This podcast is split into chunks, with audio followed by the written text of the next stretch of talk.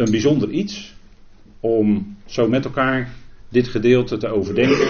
En we zullen ook antwoorden vinden in dit gedeelte wat we gelezen hebben op deze vraag. Wie worden met kracht weggenomen bij de bazuin van God? En voordat we dat doen wil ik eerst met u bidden. Vader, wij danken u dat we zo ook vanmorgen een moment stil mogen staan bij uw woord uit Thessalonicense, Vader. Een heel bekend gedeelte. En Vader, uw woord geeft antwoord. Als wij met vragen zitten, dan kunnen we bij u terecht. En u geeft in uw woord antwoord op vragen die we hebben. Dank u wel, Vader, dat we ook vanmorgen bij deze bijzondere vraag willen stilstaan. Geeft u wijsheid, Vader, om iets daarvan duidelijk te mogen maken aan ons hart. Zodat we straks hier met vreugde en blijdschap in ons hart weer huiswaarts kunnen gaan. Met die heerlijke zekerheid van wat u doet, Vader. Dank u wel voor dat bijzondere moment van genade wat u zal geven in de toekomst. En zover we weten en geloven in de nabije toekomst. Vader, wij weten niet het tijdstip. Dat is alleen bij u bekend. Maar dank u wel dat we naar uitzien. En Vader, geeft u dan wijsheid in het luisteren, in het spreken, dat het mag zijn tot lof en eer van u. We danken u daarvoor in de naam van uw geliefde Zoon. Amen. Thessalonica, Thessaloniki, ik weet niet wat ik moet zeggen, maar het gaat om die plaats in Griekenland. Griekenland dat uh, soms wel eens uh, heftig in het nieuws is. Onlangs nog hè, was dat heftig in het nieuws, Griekenland. En Paulus was daar en hij heeft daar, zo lezen wij in handelingen, heeft hij daar korte tijd gepredikt. Waarschijnlijk twee of drie weken lang. En in die twee of drie weken, zo lezen we in handelingen, het verslag van Lucas, uh, is die gemeente in Thessalonica ontstaan doordat hij dat evangelie daar bracht. Het was dus maar een hele korte tijd. Hij had er nog wel terug willen keren, maar dat, de Heer gaf dat niet. Dus de Heer leidde hem een andere weg op. Maar hij schrijft dan deze brieven aan die Thessalonicenzen omdat zij vragen hadden en ze waren ook in ongerustheid. En het is misschien goed om te beseffen dat deze brieven, waarin onze verwachting uiteengezet wordt door Paulus. En hij zegt ook in deze eerste brief op een gegeven moment dat hij wat ontbreekt in hun geloof, en dat had te maken ook met hun verwachting, wat ontbrak, dat zou hij aanvullen. En dat doet hij ook in deze brief. Hij vult dat ook aan. Hij geeft antwoord op die vragen waarmee die Thessalonicenzen zaten. En u moet even beseffen dat hoogstwaarschijnlijk, datering van brieven is altijd heel moeilijk, maar dat dit de eerste brieven zijn die Paulus geschreven heeft. Daar mogen we toch wel een beetje van uitgaan. Um, en dat, dat maakt het eigenlijk nog meer bijzonder dat de apostel in deze brieven die geweldige verwachting bekend maakt die wij uh, gelezen hebben met elkaar in dat vierde hoofdstuk. En hij geeft antwoord op vragen die leefden bij die Thessalonicenzen. Want Paulus had daar maar heel kort gepredikt. Hij was daar twee of drie weken geweest. Daar waren mensen tot geloof gekomen. En daar zaten mensen puur uit de heidenen bij, om het zo maar te zeggen. Maar ook uit zijn volk. Daar mogen we wel van uitgaan. Want Paulus predikte daar ook bij gelegenheid in de synagoge. En er waren vast enkele die ook met hem meegingen. En wat Paulus doet is antwoord geven op die vraag die zij hadden omtrent degene die hen inmiddels ontvallen waren. En dat is natuurlijk een bijzonder onderwerp. Troostende woorden spreekt hij hier in de verwachting. Zij vroegen zich af, die Thessalonicensen. En als je de tweede brief ook leest, dan lees je dat Paulus daar veel gepredikt heeft uit wat hem bekend was, uit de Tenach, uit het Oude Testament, zoals we dat dan zeggen. Met name ook uit de profetieën, het boek Daniel, dat kun je terughalen uit de tweede brief. Dat had hij onder hen gepredikt. Maar hij maakt pas in deze brief bekend die verwachting van 1 Thessalonicense 4. En nu, nu waren daar mensen inmiddels ontvallen. Er waren mensen overleden. En Paulus zegt: Wij willen echter niet dat jullie onwetend zijn, broeders, aangaande hen die rusten. Want zij vroegen zich misschien af: wat zou er van hen worden? En Paulus spreekt dan dit gedeelte, en we hebben dat afgesloten met dat vers 18, hè, spreekt elkaar aan. En in dit, dit gedeelte is dan een troostend aanspreken van elkaar. Hè, met die verwachting. Wat gebeurt er met. Mensen hebben daar natuurlijk. Ja, je hebt verdriet om degenen die weggevallen zijn. En zij hadden. In twee, drie weken waren zij tot geloof gekomen. En wat zou er dan met hen gaan gebeuren? Paulus had gesproken uit de profeten. Hij had gesproken uit, ongetwijfeld ook uit de profeet Zacharia, dat de Heer zou komen en zijn voeten zal zetten op de olijfberg. De terugkeer van de Heer. Zacharia 14, een heel bekend gedeelte. En die gelovigen die vroegen zich misschien af, ja, zouden diegenen die dan, uh, degenen die ons al ontvallen zijn, zullen die dan ook opstaan bij die opstanding? Wat gebeurt er met hen die weggevallen zijn? Zij vroegen zich dat af. En Paulus gaat dan, en, en daar ontbrak dus iets in hun geloof. Want Paulus had het evangelie gepredikt en dat was toch anders dan wat de twaalf discipelen, de twaalf apostelen predikten. Paulus, die predikt de genade die in deze tijd moet klinken. En ja, hoe zit het dan met die verwachting? Hebben die gelovigen dan die overleden zijn dezelfde verwachting als Israël? Dat zij het koninkrijk zullen binnengaan? Of in de opstanding aan het begin van het koninkrijk delen? Hoe zit dat? Ze zaten met allemaal vragen. Paulus geeft daar een antwoord op. Hij had daar kort gepredikt en, zij, en ze waren overleden snel na zijn prediking. En die overledenen, die kenden dus niet eens de eerste Thessalonicense brief. Moet je even goed bedenken. Hè? Dus we gaan nu even heel ver terug in de tijd, naar het begin. Zij waren overleden op de, en na, tot geloof gekomen door de prediking van Paulus. Ze waren overleden en hadden geen kennis kunnen nemen van de boodschap van deze brief. En hoe zit dat dan met hun verwachting? Wat, wat mogen zij dan verwachten? En dat, dat, misschien heeft u daar nooit zo over nagedacht, maar dat zijn dus mensen die dat evangelie wel hebben gehoord. Het goede nieuws dat Jezus Christus gestorven is, hè, op aarde gekomen is als mens, gestorven is en opgewekt is. En, en voor hun zonde alles heeft gedaan. Maar een verwachting, ja, Paulus had uit de profetieën gepredikt. En, en hoe zit dat dan? Zij kenden deze brief niet. Dus er waren mensen overleden die niet eens, om het zo maar te zeggen, de boodschap van de bazuin van God kenden. Nou, moet je dat dan. Hè? Nou goed, allemaal vragen misschien die opkomen. En, en hoe leefden die mensen nou? Nou, Paulus, ze waren krachtig geroepen door de Heer. En Paulus zegt dan in hoofdstuk 1, vers 9, want zelf berichten zij over ons wat voor ingang wij bij jullie gehad hebben en hoe jullie je omkeren naar God, weg van de afgoden, om de levende en waarachtige God als slaaf te dienen. Ze waren geroepen en ze waren heel snel ook in een stuk dienstbetoon gezet. Die gemeente in Thessalonica, daar spreekt Paulus hele bijzondere, fijne woorden over in die eerste hoofdstukken. Zij hadden geloof, verwachting, er was onderlinge liefde, maar toch ontbrak er in die verwachting ontbrak er iets. Ze hadden een verwachting van dat de Heer zou terugkomen. Dat had Paulus onder hen gepredikt. Maar er ontbrak toch nog iets. En hij zegt hier, zij hadden zich omgekeerd tot de levende God. En automatisch dus hun rug gekeerd naar de afgoden. En de levende God in de schrift, als dat gebruikt wordt, dan heeft dat te maken met Hij die de enige ware God is. En de heidenen kenden heel veel goden in die tijd. Denk maar aan de Grieks, Griekse en Romeinse mythologische wereld. daarin waren, werden tal van goden, Zeus en, noem maar op. Olympische Spelen had je toen ook al. Was allemaal ter ere van Zeus, de oppergod, maar dat was eigenlijk de duivel. Zeg het even kort door de bocht, zoals het is. Maar die heidenen, die kenden veel goden. En nu leerden zij door de prediking van Paulus die ene ware God, de God van Israël, kennen. En dat is de enige ware God. Waarom? Waarom? Omdat God zelf in de schrift aanspraak maakt op het feit dat als Hij spreekt, dat het ook gebeurt. Als Hij spreekt, doet Hij wat Hij zegt. En dat is een kenmerk van de enige ware God. Al die afgoden kunnen dat niet.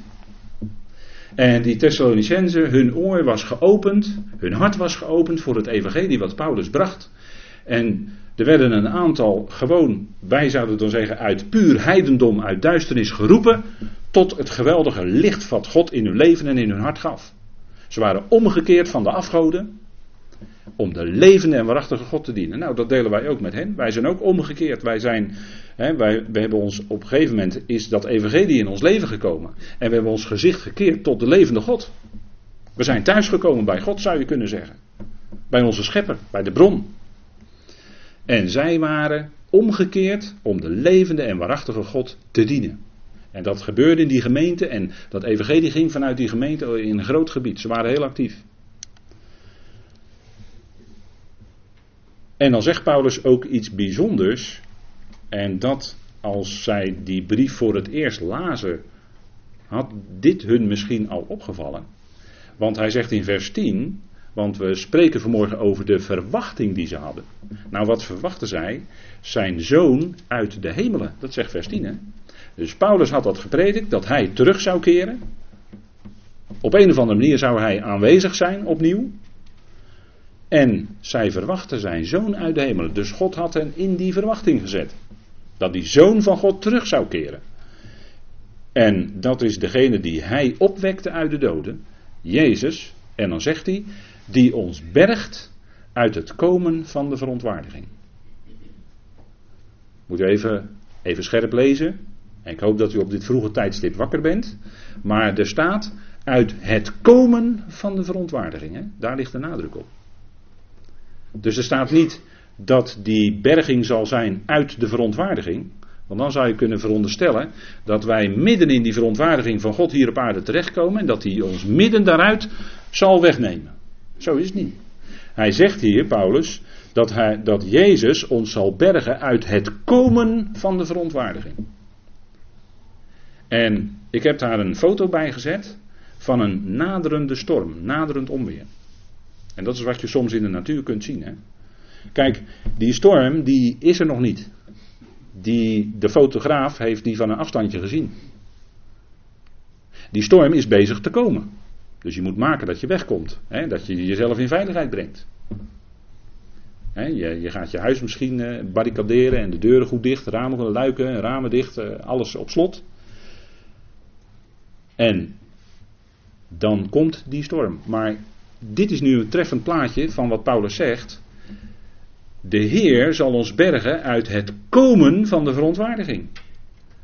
Dus als die verontwaardiging er nog niet is, maar bezig is te komen, dan bergt de Heer ons. Dus daarin zegt hij al iets bijzonders. Hè? Ten opzichte van wat in de schriften van het Oude Testament bekend was gemaakt. Daarin wordt gesproken over verschillende zaken. Kijk, want wij leven nu in de dag van de mens. Eigenlijk sinds de zonde van Adam. Leven wij in de dag van de mens. En wat gaat komen, dat is die verontwaardiging, dat is die storm, is de dag van verontwaardiging. Vaak in uw vertaling, u leest in uw vertaling de dag van toren. Maar we hebben dat heel bewust gewijzigd in als het om God gaat om verontwaardiging. Want de toren is bij de mens en dan kan het een zondig karakter hebben. Bij Gods verontwaardiging kan het nooit een zondig karakter hebben, omdat het Gods verontwaardiging is. En God zondigt nooit. God maakt geen enkele fout. Niet in dit grote wereldgebeuren en ook niet in uw persoonlijke leven. God doet niets in uw leven fout. Want God is het die ten diepste alles doet samenwerken tot het goede. Tot het goede. En er kunnen hele moeilijke momenten bij zijn. Kijk maar in het leven van Job bijvoorbeeld. Daar kunnen hele moeilijke momenten bij zijn. Maar uiteindelijk, en dat is hij is de God van de levende. Uiteindelijk bracht hij Job door al die moeilijke ervaringen heen dichter bij zichzelf. Dat is een heel bijzonder punt, hè? God maakt nooit een fout. Nooit. En als hij verontwaardigd is, en dat is hij, over de opstapeling van de zonden in deze tijd. En daarom zien wij die onweersbui, die zien wij al komen in deze tijd. En nu is het geweldige, dat is genade. Want dat, is, eh, dat heeft niets met onszelf te maken of met onze verdienst of wat dan ook. Maar het is genade dat Hij ons voordat die storm gaat losbarsten, dat Hij ons wegneemt van deze aarde. En dat is niet omdat wij beter zijn dan de rest, absoluut niet, maar dat is omdat Zijn woord dat zegt. Hij bergt ons, staat er, uit het komen van de toren. Van de verontwaardiging. Hij bergt ons niet uit de verontwaardiging, maar uit het komen van de verontwaardiging. En dat is, dat is een belangrijk punt. Hè? En zo staat het hier in de schrift.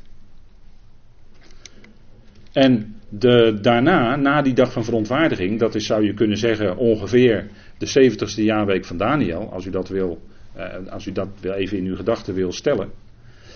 En dan eindigt de dag van de mens, en die gaat dan over in de dag van JW. De dag des Heren, hè? zo wordt hij altijd genoemd. En in die overgang dat die overgang eigenlijk, hè, als die dag van JW bezig is te komen, dan lees je ook in het Oude Testament over de verontwaardiging van God. En dan lees je bijvoorbeeld in hoofdstukken als Jesaja 13 over dat de dag des Heren komt, of in Sefania.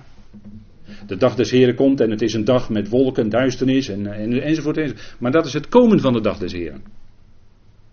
Want als de dag des Heren eenmaal is aangebroken, dan is het licht. Want dan is hij, als het licht van de wereld, inmiddels teruggekeerd op aarde om zijn koninkrijk op te richten. Naar Zacharia 14.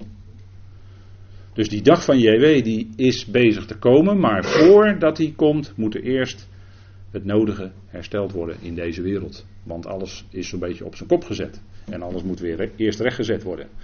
Als hij komt, zegt de profeet ook, zegt Jezaja, zal hij recht doen hij zal gerechtigheid brengen en vrede. Hij zal recht doen. Hij zal de shalom brengen voor Israël. Maar dat is toekomstmuziek nog, dat is nu nog niet.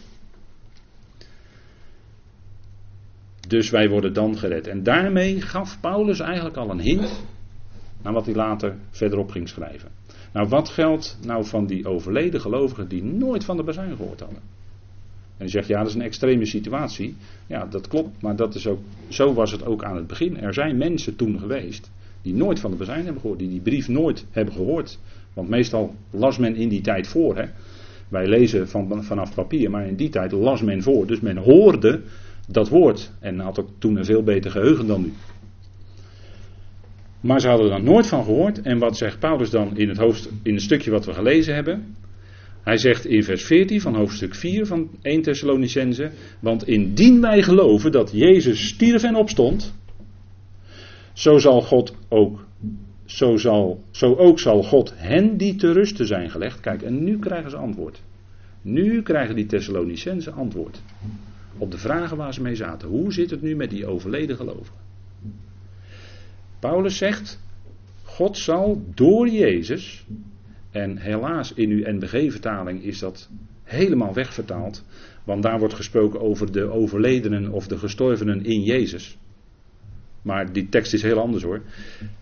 God zal hen die te rusten zijn gelegd door Jezus gezamenlijk met hem voeren. Dat is heel anders dan uw NBG-vertaling.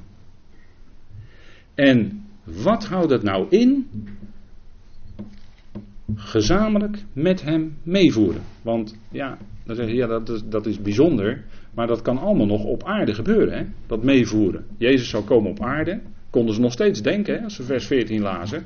Jezus komt op aarde terug, zet zijn voeten op de Lijfberg en hij voert hem mee. Misschien gaan ze wel met die gelovigen uit uh, Israël mee, hè, Jeruzalem uit, want Jeruzalem wordt dan verwoest.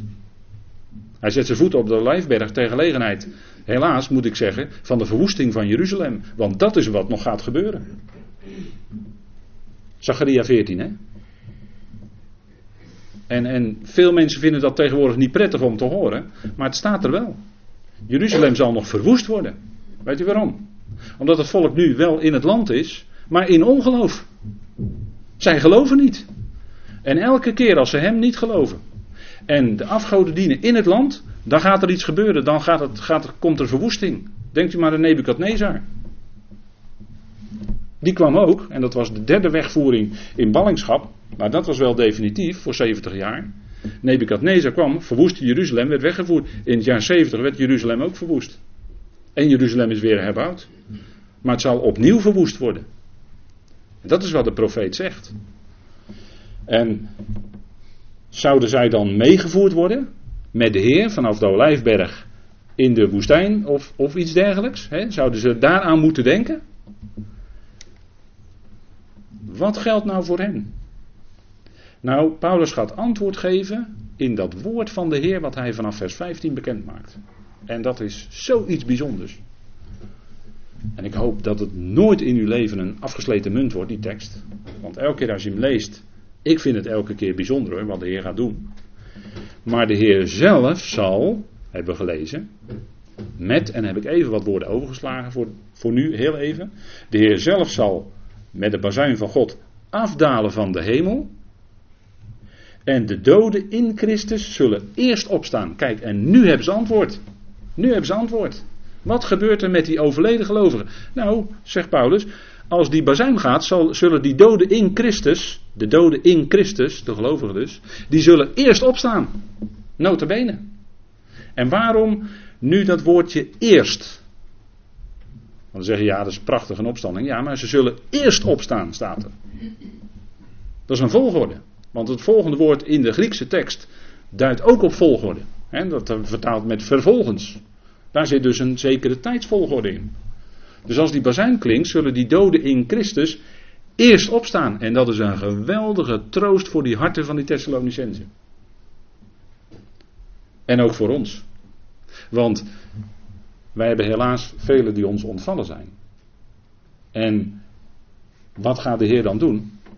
Nou, niet wij gaan hen voor en zij komen er nog eens een keertje achteraan. Nee, zij zullen eerst opstaan. Dat is het geweldige wat, wat hij gaat doen. De doden in Christus zullen eerst opstaan. Dat is wat hier staat. Hè? En dat is, dat is natuurlijk op basis van de opstanding van Christus, hè, waar we vanmorgen mee begonnen te zingen. Hij is opgewekt, u zij de glorie. Nou, dat zullen wij dan ook zingen. U zij de glorie hoor, op dat moment. Denk ik. Hè? Kan je zo voorstellen. De doden in Christus zullen eerst opstaan. Wat een geweldige verwachting. Wat een toekomst. Mensen die geen verwachting hebben. Mensen, wat moeten die een troosteloos leven hebben? En naarmate je ouder wordt, en er zitten hier nogal wat oudere mensen, dan ontdek je steeds meer, ja, dit leven is eindig. Het stopt een keer. Ja, maar God stopt dan niet. God stopt niet. Nee, dan gaat het pas beginnen. Mensen vragen zich af in, in onwetendheid: is er leven na de dood? Ja, wees en waarachtig, dan is er echt leven na de dood. Dan pas. Dat is echt leven. Natuurlijk, dan, dan gaat het allemaal beginnen. Dan gaat God werken. En daarmee zeg ik niet dat God vandaag niet werkt, want hij werkt vandaag ook hoor. Maar de doden in Christus zullen eerst opstaan. En wat is dat een geweldig thema voor een zondagochtend, hè? vindt u niet? En dan gaat het niet om de zondag, want dat zouden we elke dag kunnen doen. Maar de doden in Christus zullen eerst opstaan. Wat een uitzicht. Wat een verwachting. Wat een troost. Spreek elkaar aan met deze woorden, zegt Paulus. Als je nou eens onderling als gelovige bij elkaar bent om de koffie, wat ga je dan met elkaar bespreken? De wereldproblemen? Kan je doen, maar dat is allemaal ellende, want het journaal stort één bak ellende over je uit om acht uur. Even heel kort door de bocht gezegd, want er zijn ook wel eens positieve berichten, dat weet ik wel. Maar als je onderling over deze verwachting spreekt, dan ga je toch blij naar huis? En, en, en dan heb je een heel ander gesprek als gelovig onderling. Nou, goed, wat was nou die verwachting? Stel nou dat er mensen bij waren van het uitverkoren volk.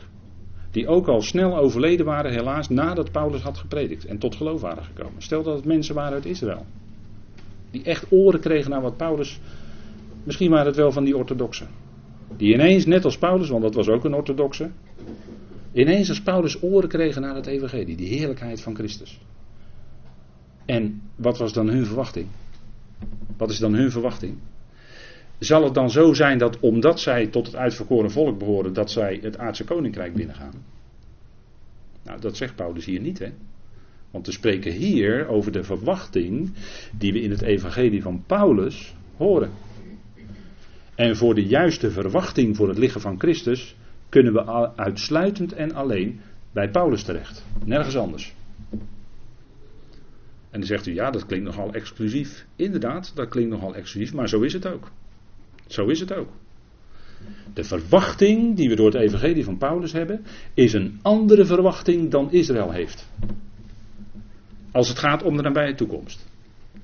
En wat is dan voor iemand uit het Joodse volk, iemand uit Israël die tot geloof komt? Dan is de verwachting de bazuin van God. Dat is niet de olijfberg. Dat is, dat is ruim zeven jaar daarna. Maar dat is de bazuin van God. En dat staat ook in uw tekst. Kijk, het gaat hier om hen die rusten. Hè. En dan is het volgende punt, wat Paulus zegt, wat dan gaat gebeuren. Hè. De overledenen in Christus, hè, de, degene die, eh, wordt een hele mooie term gebruikt, hen die liggend rusten.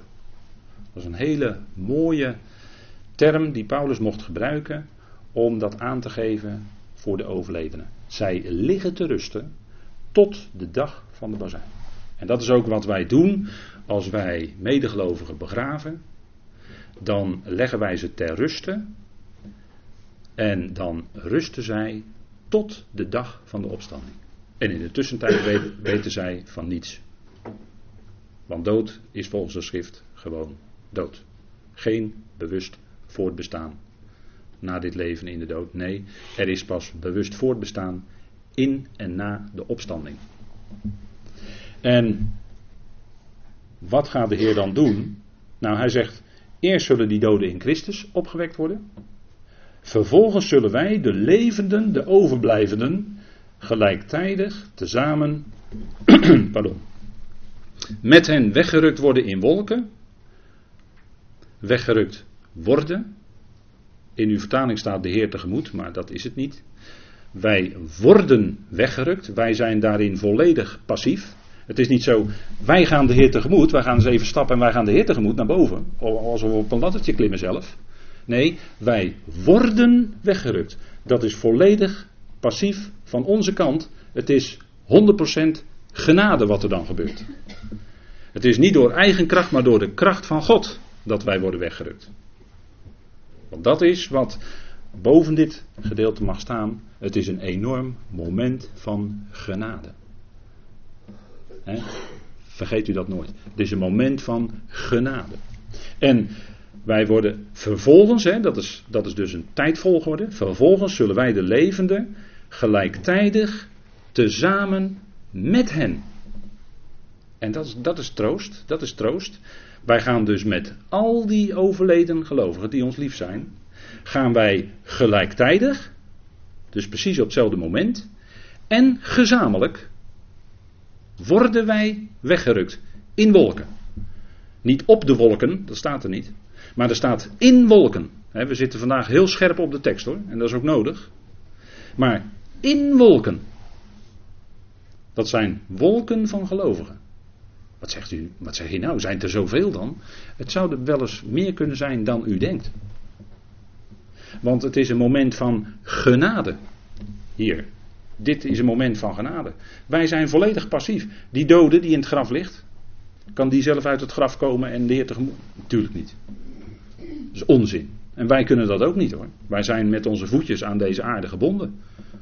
En dan zegt u ja, natuurkundig door zwaartekracht enzovoort. En de Heer gaat dat dan opheffen op dat moment. Wij worden veranderd. Dat is een andere brief, een ander thema. Maar wij worden veranderd. En wij worden weggerukt tot de ontmoeting van de Heer op de Olijfberg, zei de profeet. Nee, nee, nee, nee. Hier staat in de lucht tot de ontmoeting van de Heer in de lucht. Dus hier zet hij niet zijn voeten, hier wordt gesproken over het woord aanwezigheid. Maar u moet dit gedeelte ook niet verwarren met Matthäus 24. Moet u nooit doen. Want dan komt u in de verwarring en dan komt u er nooit meer uit. Matthäus 24 is de verwachting van Israël. Dan wordt er ook gesproken over de aanwezigheid, Grieks parousia. Wordt er ook gesproken over de aanwezigheid van de Heer, maar dat is een ander moment. Matthäus 24, vers 29 tot 31. Dat is een ander moment dan hier in 1 Thessalonicense 4. Die lijnen moet u goed uit elkaar houden. Gaat u ze door elkaar halen, komt u in hopeloze verwarring. Dus deze verwachting is exclusief bij Paulus. En zo zegt Paulus dan, zullen wij altijd tezamen met de Heer zijn. En dit is de eerste brief van Paulus voor deze tijd van genade. En gelijk al in de eerste brief, en dat is het bijzondere, wordt de verwachting bekendgemaakt voor al diegenen die geroepen zullen worden in geloof.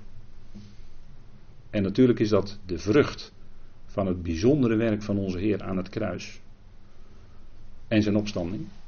Maar al die gelovigen, vanaf dat moment tot aan de bazuin, die gaan mee. Iedereen, al die gelovigen. En dan zegt ja, wie zijn dat dan? Want we hebben nou gezien, Jezus, die ons bergt uit het komen van de verontwaardiging. Dus daarin leren we al iets dat, het niet, dat wij niet in die verontwaardiging terechtkomen. Maar dat daarvoor worden wij al geborgen door de Heer. God zal door Jezus ons gezamenlijk met hem meevoeren. En nu gaat Paulus het volledig, heeft Paulus het volledig ingevuld in hoofdstuk 4, vers 13 tot 18. Bekende gedeelte wat we gelezen hebben. En daarin zie je verschillende stappen. Wat gebeurt er met die overleden gelovigen? De bazuin klinkt. De doden in Christus staan eerst op. Dat is stap 2, zou je kunnen zeggen. En stap 3 is weggerukt worden tot de ontmoeting van de Heer in de lucht samen met de levende.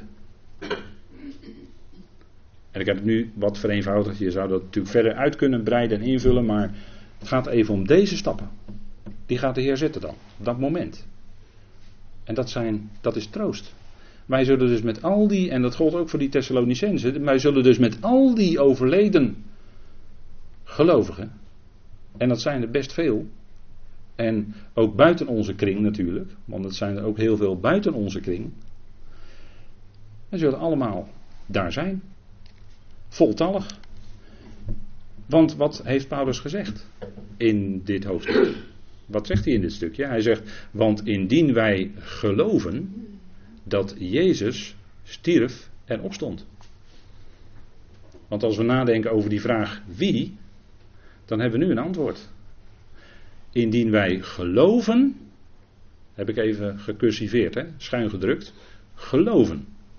Dus het gaat om al diegenen die Gods roepstem hebben gehoord. Het gaat om geloven.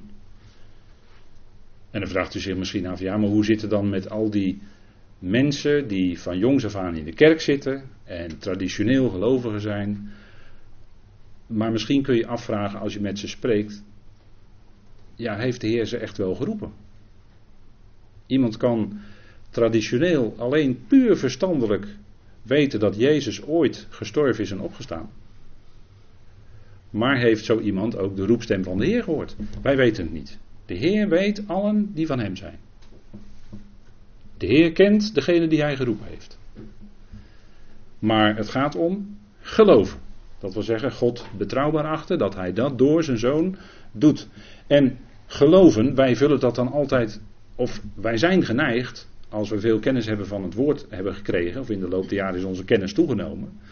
Wij zijn soms geneigd om dat anders in te vullen. Hè? Want Paulus zegt hier alleen, indien wij geloven dat Jezus stierf en opstond. En natuurlijk, daar zit alles in, daar zit ontzettend veel in. Maar moet je dan eerst iets weten van het geheimenis? Die overledene in Thessalonica, die wist daar helemaal niets van. Die had niet eens kennis kunnen nemen van 1 Thessalonicense. Laat staan van de latere brieven van Paulus. Efeze, Filippenzen, Colossense, waar al die geheimenissen bekend worden gemaakt. Wist die gelovige niets van? Wist niets van de verzoening? Het geheimenis van het evangelie. Moet je dat eerst kennen? Moet je eerst iets weten dat er een gezamenlijk lichaam is? Dat heeft Paulus later pas onthuld. Op het moment dat, dat er al heel wat geroepen waren. En pas door Efeze misschien, als ze dat, dat ter oren kwam en ze konden dat gaan verstaan, want die geheimenissen gaan verstaan, daarvoor is nodig een geest van wijsheid en onthulling. Waarom denkt u dat Paulus daarom bidt voor de geloven? Dat heb je nodig, voordat je die geheimenissen kan verstaan. En nu die mensen die die geheimenissen niet zo hebben kunnen verstaan, of dat misschien allemaal te moeilijk vinden, of te ingewikkeld, of of mensen die uh, tot geloof komen en net als in Thessalonica een week later helaas uh, overlijden. Dat kan ook. Als je in hoge ouderdom bent en toch geeft God het in je hoge ouderdom dat je tot geloof komt. Misschien wel op je sterfbed. En je hebt helemaal geen tijd meer en gelegenheid meer om het evangelie verder te leren kennen. Maar ik zet even de uiterste voor u uit. Hè? Zodat u gaat zien dat die genade van de Heer heel breed is. Dat het, dat het uh, lichaam van Christus wel eens misschien groter zou kunnen zijn dan u gedacht heeft. En moet je dan iets weten, bijvoorbeeld hè, over wat, je, wat met je lichaam gaat gebeuren, dat je onsterfelijkheid gaat ontvangen. Hè, wat, wat eigenlijk iets ongelooflijks is hoor, als God dat aan je gaat voltrekken. Hè, maar moet je dat weten? Nee, het gaat om indien wij geloven dat Jezus stierf en opstond. Heel persoonlijk. Die roepstem van God hebben gehoord in je leven en daar gehoor aan gegeven. Dan ben je verzegeld met de geest van de belofte. Ook al ben je dat totaal op dat moment helemaal niet bewust. Ook al hoor je tijdens je geloofsleven, wat misschien maar heel kort is, kan in sommige gevallen zo zijn, hoor je niet eens over die verzegeling. Kan ook nog. Dat je niet eens weet dat je verzegeld bent. Maar je bent het wel. Want je bent een waarachtig gelovige. En nu is het heel moeilijk voor ons, omdat wij allemaal tegen mensen aankijken en wat mensen doen en wat mensen niet doen en wat mensen enzovoort. En wat gelovigen doen en wat gelovigen, uh, ja, daar, daar kan van alles gebeuren. Maar dan hou je je toch vast aan die woorden die Paulus spreekt, dat de Heer de zijne kent. Wij weten dat niet, wie, wie dat allemaal precies zijn. Alleen wat hieruit naar voren komt, wat Paulus schrijft, aan het begin van die tijd van genade, is eigenlijk heel breed. Hè? Kijk, geloven, is geloven dan iets van werken? Moet je als gelovige dan uh, je keurig hebben gehouden aan allerlei voorschriften en geboden? Wel nee. Het, want het gaat bij geloof om degene die niet werkt, maar gelooft. Ziet u hier de tegenstelling tussen werken en geloof? Degene die niet werkt. En dan spreekt Paulus over Abraham hier. Hè? Degene die niet werkt, maar gelooft in hem die de goddeloze rechtvaardigt, wordt zijn geloof gerekend tot gerechtigheid. Is daar dan een werk van ons bij? Nee, nee want het is genade. He? Thessalonicense spreekt over een geweldig genademoment als afsluiting van deze tijd van overstromende genade. Want daar leven we in. We leven in de tijd, geestelijk gezien, van overstromende genade. En die tijd wordt dan ook afgesloten met een moment van overstromende genade. Al die gelovigen zijn erbij. En dat is eigenlijk zou je kunnen zeggen, zelfs dat geloof werkt God in ons door zijn geest. We zijn verzegeld met de geest. Dat geloof wordt in ons gewerkt door God. dat zegt Paulus ook in die, in die fijne Efezebrief. Want in genade zijn jullie geredden. Door geloof en om dat nog eens even heel duidelijk te onderstrepen, en dit niet uit jullie zelf. Het is Gods naderingsgave. naderingsgave. Moeten wij net als de Jood ons geloof als een naderingsgave brengen naar God? Nee, God kwam naar ons toe. Het is Gods naderingsgave, korban. dat, dat zit er achter dit woord. Wat, wat de Hebreeër, wat de Jood moest brengen bij de tabernakel en tempeldienst, kon hij offers brengen en dan was het korban. Dan kon hij, want het woord korban betekent naderen. He, dan kon hij naderen tot JW via de priester. En zo zijn offeranden brengen bij de Heer. En dan kon hij vergeving van zonde krijgen. Dat was onder, dat was onder het oude verbond van Israël. Maar wij leven in overstromende genade. En God geeft zijn naderingsgave aan ons. Jezus is gestorven en opgestaan uit de dood. Dat is Gods naderingsgave. En het gaat niet om ons geloof ten diepste, het gaat om zijn geloof. Het is niet ons geloof in Jezus Christus, maar het is het geloof van Jezus Christus. Net zoals de schrift spreekt over het geloof van Abraham. En het geloof van Isaac spreekt hij ook over het geloof van Jezus Christus. Nou, dat is de basis van onze redding. Daar is helemaal niets van ons bij, maar God schenkt ons dat. Wat een genade. Wat een genade. Het is, ja, en daar word je blij van, toch? Daar word je blij van. Want dat is wat blij maakt. Het maakt ons blij. En het maakt God verheugd. Het verheugt God dat Hij zulke geschenken kan geven aan zijn schepsel. En dat Hij ons uitroept. En het is ook niet uitwerken. Nog eens een keer, hè, Paulus, je zou bijna zeggen, Paulus is aan het overdrijven. Hè. Hij had al gezegd, het is niet uit jullie zelf. En dan zegt hij ook nog eens een keer erbij, niet uitwerken. Nou, dat, is, dat is genade in optima forma. Hè? Dat is genade ongelooflijk, was onder het oude verbond niet bekend. Dan is het altijd de voorwaarde. en, en, en, dat indien, indien wij geloven, dat indien is niet zo voorwaardelijk als het klinkt hoor. Het is meer van wanneer het zo is dat. Wanneer het zo is dat wij geloven dat Jezus stierf en opstond. Dan, nou dan, dat zijn al diegenen die dan bij de bazuin ook betrokken zijn. Opdat niemand zich beroemen zal. Want dat is het aanstootgevende van de genade. Dat je je afvraagt als mens, ja maar kan ik er dan niks voor doen? Nee, nee, ik kan er niks voor doen. Nee. nee. De hele wereld zit vol met voorwaarden en je moet overal aan voorwaarden voldoen. In alle religies, inclusief het christendom, moet je aan voorwaarden voldoen. Je moet je bekeren, of je moet je laten dopen, of je moet eh, de geloofsbelijdenis van de kerk onderschrijven, of je moet dit, of je moet dat, allemaal voorwaarden. Maar die, die, die verdwijnen als sneeuw voor de zon in het licht van Gods genade. Want dan gaat het niet om ons eigen, maar dan gaat het om zijn werk. En daar mogen we God van harte voor danken. Voor wat hij gedaan heeft. En dat is onze heerlijke toekomst. Hè. Kijk, er zijn natuurlijk, dat, dat, hè, want u, eh, u heeft al natuurlijk veel gehoord. Er zijn verschillende verwachtingen vandaag. Onder gelovigen. Onder echte, waarachtige gelovigen heb je verschillende verwachtingen, helaas. Er is verwarring over dit punt van de bazijn. Sommigen geloven, we blijven op aarde. We gaan door de grote verdrukking heen. Ja, en 1 Thessalonians 4, ja, die bazuin, ja goed, dat, dat, daar hebben ze dan een bepaalde redenering over. Maar we blijven op aarde, we gaan ook door de grote verdrukking heen. Denken ze. En sommigen die denken ook van, wij worden inderdaad, Thessalonicense, wij worden van de aarde inderdaad weggenomen met kracht. Maar we komen later weer terug op aarde om op aarde te blijven. Dan gaan we met de Heer mee op de Olijfberg.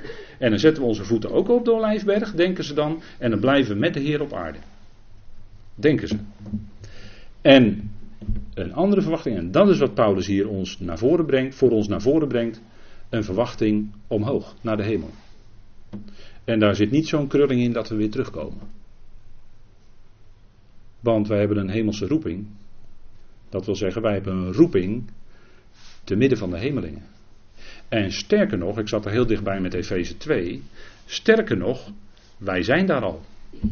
Wij zijn al met hem gezet te midden van de hemelingen. Wat de Heer gaat doen naar 1 Thessalonicense 4 is alleen ons daar lijfelijk voor gereed maken, dat heerlijkheidslichaam wat we dan ontvangen. En dan zullen wij ook lijfelijk daar komen waar we eigenlijk al gezet zijn.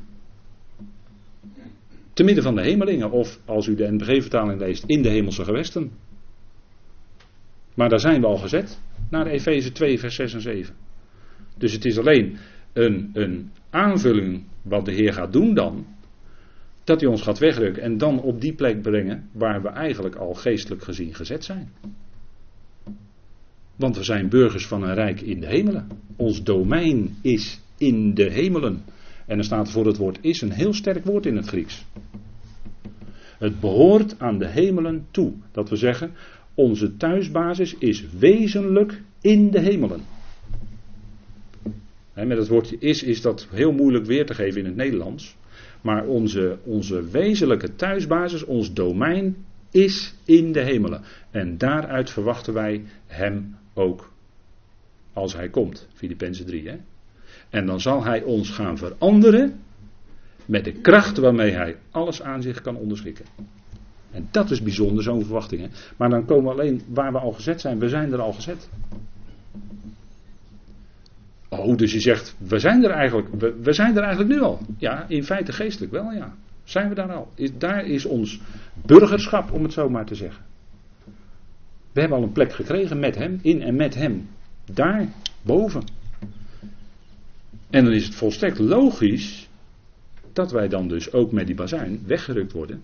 Om de Heer daar in de lucht, hè, die geweldige ontmoeting van de Heer. Wij worden weggerukt. Wie? Nou, het hele lichaam van Christus. Antwoord op de vraag. Hè. Wie zullen dan daarbij zijn? Het hele lichaam van Christus.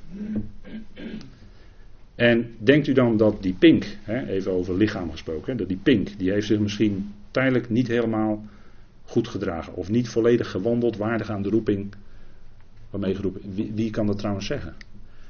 dat u vanaf het moment dat u gelooft, tot geloof kwam, dat u elke dag volledig waardig gewandeld hebt aan de roeping waarmee je geroepen bent, kunt u dat zeggen? Ik niet hoor. Ik niet. Ik zie het alleen maar als pure genade. dat we dit met elkaar zo mogen delen. En, en u kan toch ook niet zeggen dat u altijd volledig waardig heeft gewandeld. Zou de Heer dan een pink of een andere vinger hier achterlaten op aarde omdat hij tijdelijk niet waardig gewandeld heeft? Nee, want het is een moment van genade. Het is juist geloof, het is juist niet onze werken. Het is juist niet uit jullie zelf. Dat is ook het moment. En het blijkt toch, wij worden weggerukt. We hebben niet vreselijk ons best gedaan om daarbij te kunnen zijn. Nee, het is genade wat God ons geeft. En dat, dat kunnen we niet genoeg benadrukken. Kijk, en al die verwachtingen. Ik heb vanmorgen even drie verschillende verwachtingen. Die onder waarachtige gelovigen, mensen die daar waarachtig 100% achter staan, achter hun visie. Dat ze bijvoorbeeld op aarde blijven. Of dat ze weer terugkomen op aarde later. Staan er helemaal achter. Maar denkt u dat God al die verwachtingen gaat vervullen als het moment daar is? Natuurlijk niet. Want dan krijg je een soort cacophonie. Dan is het ene groepje blijft op aarde, het andere groepje komt na zeven jaar terug en de, de andere groep die blijft weg. Dat kan toch niet? Maar God doet niet naar wat wij verwachten, God doet naar zijn woord. God vervult zijn woord, zijn beloften zullen vervuld worden. Niet wat wij verwachten of wat wij denken. Maar hij vervult zijn woord, zijn belofte zal hij waarmaken. En dat duurde in het leven van Abraham totdat hij honderd was zelfs. Maar God maakte zijn belofte waar. En Abraham en Sarah die zagen aan wat voor ogen was. En ze wilden God graag een handje helpen. Maar op zijn honderdste, en toen was Sarah mening 90. Toen kwam er toch nog datgene wat hen zo deed lachen. Isaac. Die kwam toch. Want God vervult zijn belofte. En dat is het geweldige. Paulus zegt daarvan. Als we het hebben over Jacob en Esau, over de geschiedenis. Hè, twee weken geleden. Het speelde door mijn gedachten, want twee weken geleden hebben daarbij stilgestaan. En Paulus zegt daar iets bijzonders van in Romeinen 9. Hè, over die twee jongens, die tweeling die geboren werd. Want toen de kinderen nog niet geboren waren en niets goeds of slechts gedaan hadden. Ziet u het? Dat geldt ook voor ons. Hè? Toen wij nog niet geboren waren en niets goeds of slechts hadden gedaan. Opdat het voornemen van God, want daar gaat het allemaal om, overeenkomstig een keuze, dat is de keuze van God, zou blijven, niet uit werken, maar uit Hem die roept. En zo geldt het ook voor ons als gelovigen van het lichaam van Christus. God ook voor Paulus zelf. God ontmoette hem op weg naar Damascus. En Ananias sputte er tegen. Ja, maar dat kan toch niet? Saulus, degene die de gelovigen zoveel kwaad heeft aangedaan, sputte de Ananias tegen. God zegt: Nee, dat is mijn instrument. En alles wat hij uitgehaald heeft, en hij heeft veel uitgehaald, want hij vervolgde zelfs de gemeente, de toenmalige gemeente van God. En ondanks dat pakte de Heer hem op weg naar Damascus. Als dat geen genade is, nou dan weet ik het niet meer. En Paulus zegt zelf dat hij een voorbeeld is voor hen die later tot geloof zouden komen. En dan denkt hij van nou, als hij Saulus redt, dan bestaat er voor mij ook nog kans. Dan bestaat er voor mij ook nog wel kans. Denk het wel. Want zijn genade, barmhartigheid is groter, altijd groter dan onze tekorten. En op momenten dat je dat beseft, pijnlijk beseft soms dat je tekort bent geschoten, dan heb je toch weer vreugde in je hart, want je komt bij de Heer en dan dank je de Heer voor zijn genade. En dan vraag je de Heer of hij je bewaren wilt. En dan kan het toch zijn dat je toch een paar dagen later weer iets doet, weer een foutje maakt waar je zegt, joh, wat, wat ik nou heb gedaan, dat slaat helemaal nergens op. Ben ik nou toch mee bezig?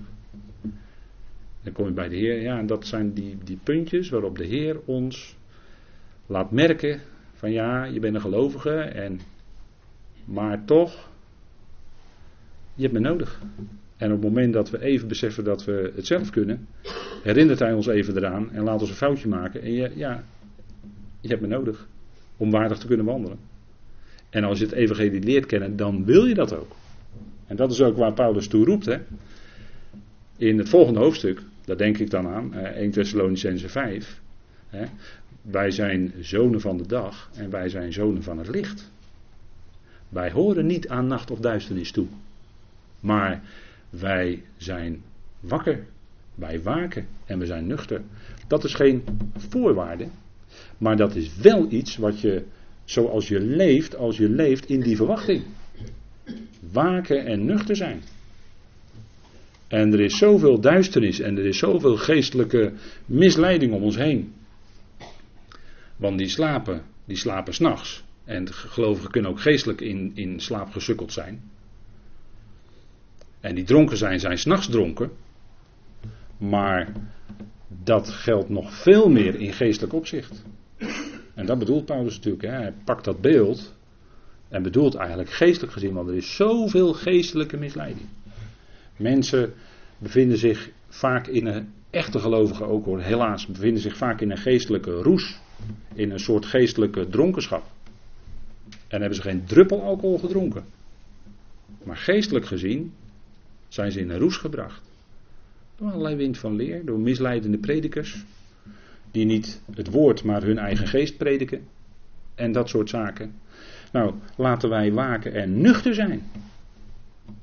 En niet indommelen, geestelijk gezien. En je hebt misschien allemaal wel eens zo'n periode in je leven, als je, als je even eerlijk bent, zo'n periode in je leven, dat je geestelijk wel eens wat indommelt.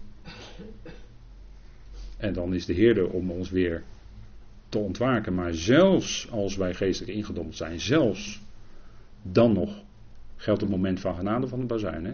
Want dat is ongeacht onze werk. Ongeacht. Dus ja, het is zijn voornemen. Als we nadenken over de vraag wie, dan vinden we in Efeze 1 ook een antwoord. Wie worden geroepen? Dat zijn al diegenen die God tevoren uitkoos in Christus voor de nederwerping van de wereld. En als u dan nog wil zeggen eigen werken, nou dat is absoluut uitgesloten. Hè? Voor de nederwerping van de wereld had God ons in Christus al uitgekozen. Oh, dat is, dat is iets geweldigs. Dat is genade. Ja, meer dan 100% zou ik willen zeggen. Want dan is daar dat voornemen van God, de Vader. En die had van tevoren alles al vastgelegd. En ook ieder die geroepen zou worden tot het lichaam van Christus. En daar kunnen wij helemaal niet bij, omdat wij mensen zijn. want die uh, vragen stellen in Romeinen 9. Als Paulus dan spreekt over, door God geïnspireerd spreekt over dat voornemen van God en die keuze van God. Jacob heb ik lief en Esau haat ik. Haten is achterstellen. Is geen haten zoals wij dat doen, maar dat is op de tweede plaats stellen in de schrift. God haat niet zoals wij haten, absoluut niet, integendeel. Maar hij stelt wel op de tweede plaats. En dat deed hij met Esau. Maar dat zei hij al voordat ze geboren waren. De oudere zal de jongere dienen, of de, de meerdere zal de mindere dienen.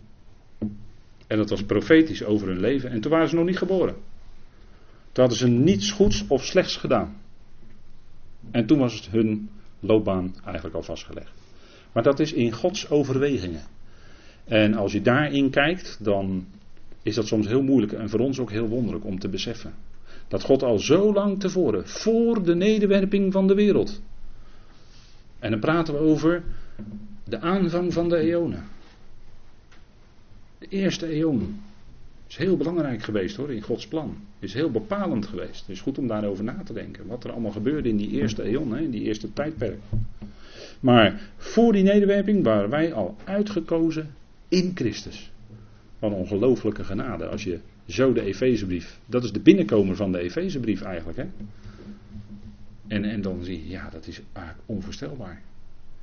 Dat wij bij zo'n genade betrokken mogen zijn. Dat is alleen maar een kwestie van dankbaarheid. Want als je naar jezelf kijkt, dan zeg je, nou heer, het eigenlijk, uh, ik snap niet waarom u mij heeft uitgekozen. Dat snap ik niet. Die buurman of die buurvrouw is veel beter. Die doet het allemaal veel beter dan ik. En toch, dat is nou het wonderlijke. God kiest juist uit wat voor de wereld onaanzienlijk is. Wat in de wereld niet in tel is. Hij kiest niet de grote politici van deze aarde.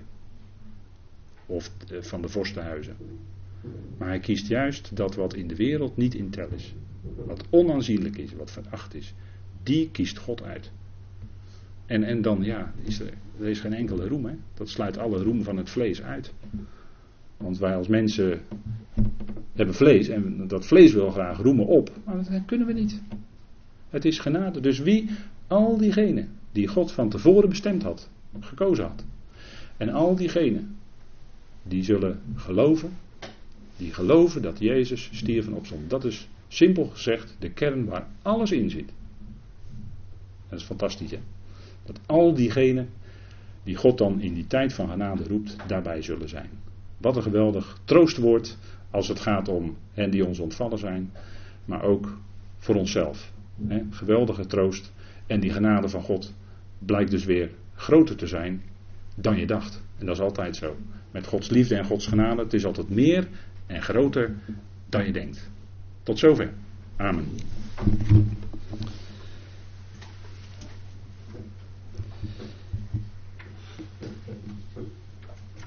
Goed, wij zullen dan met elkaar deze dienst.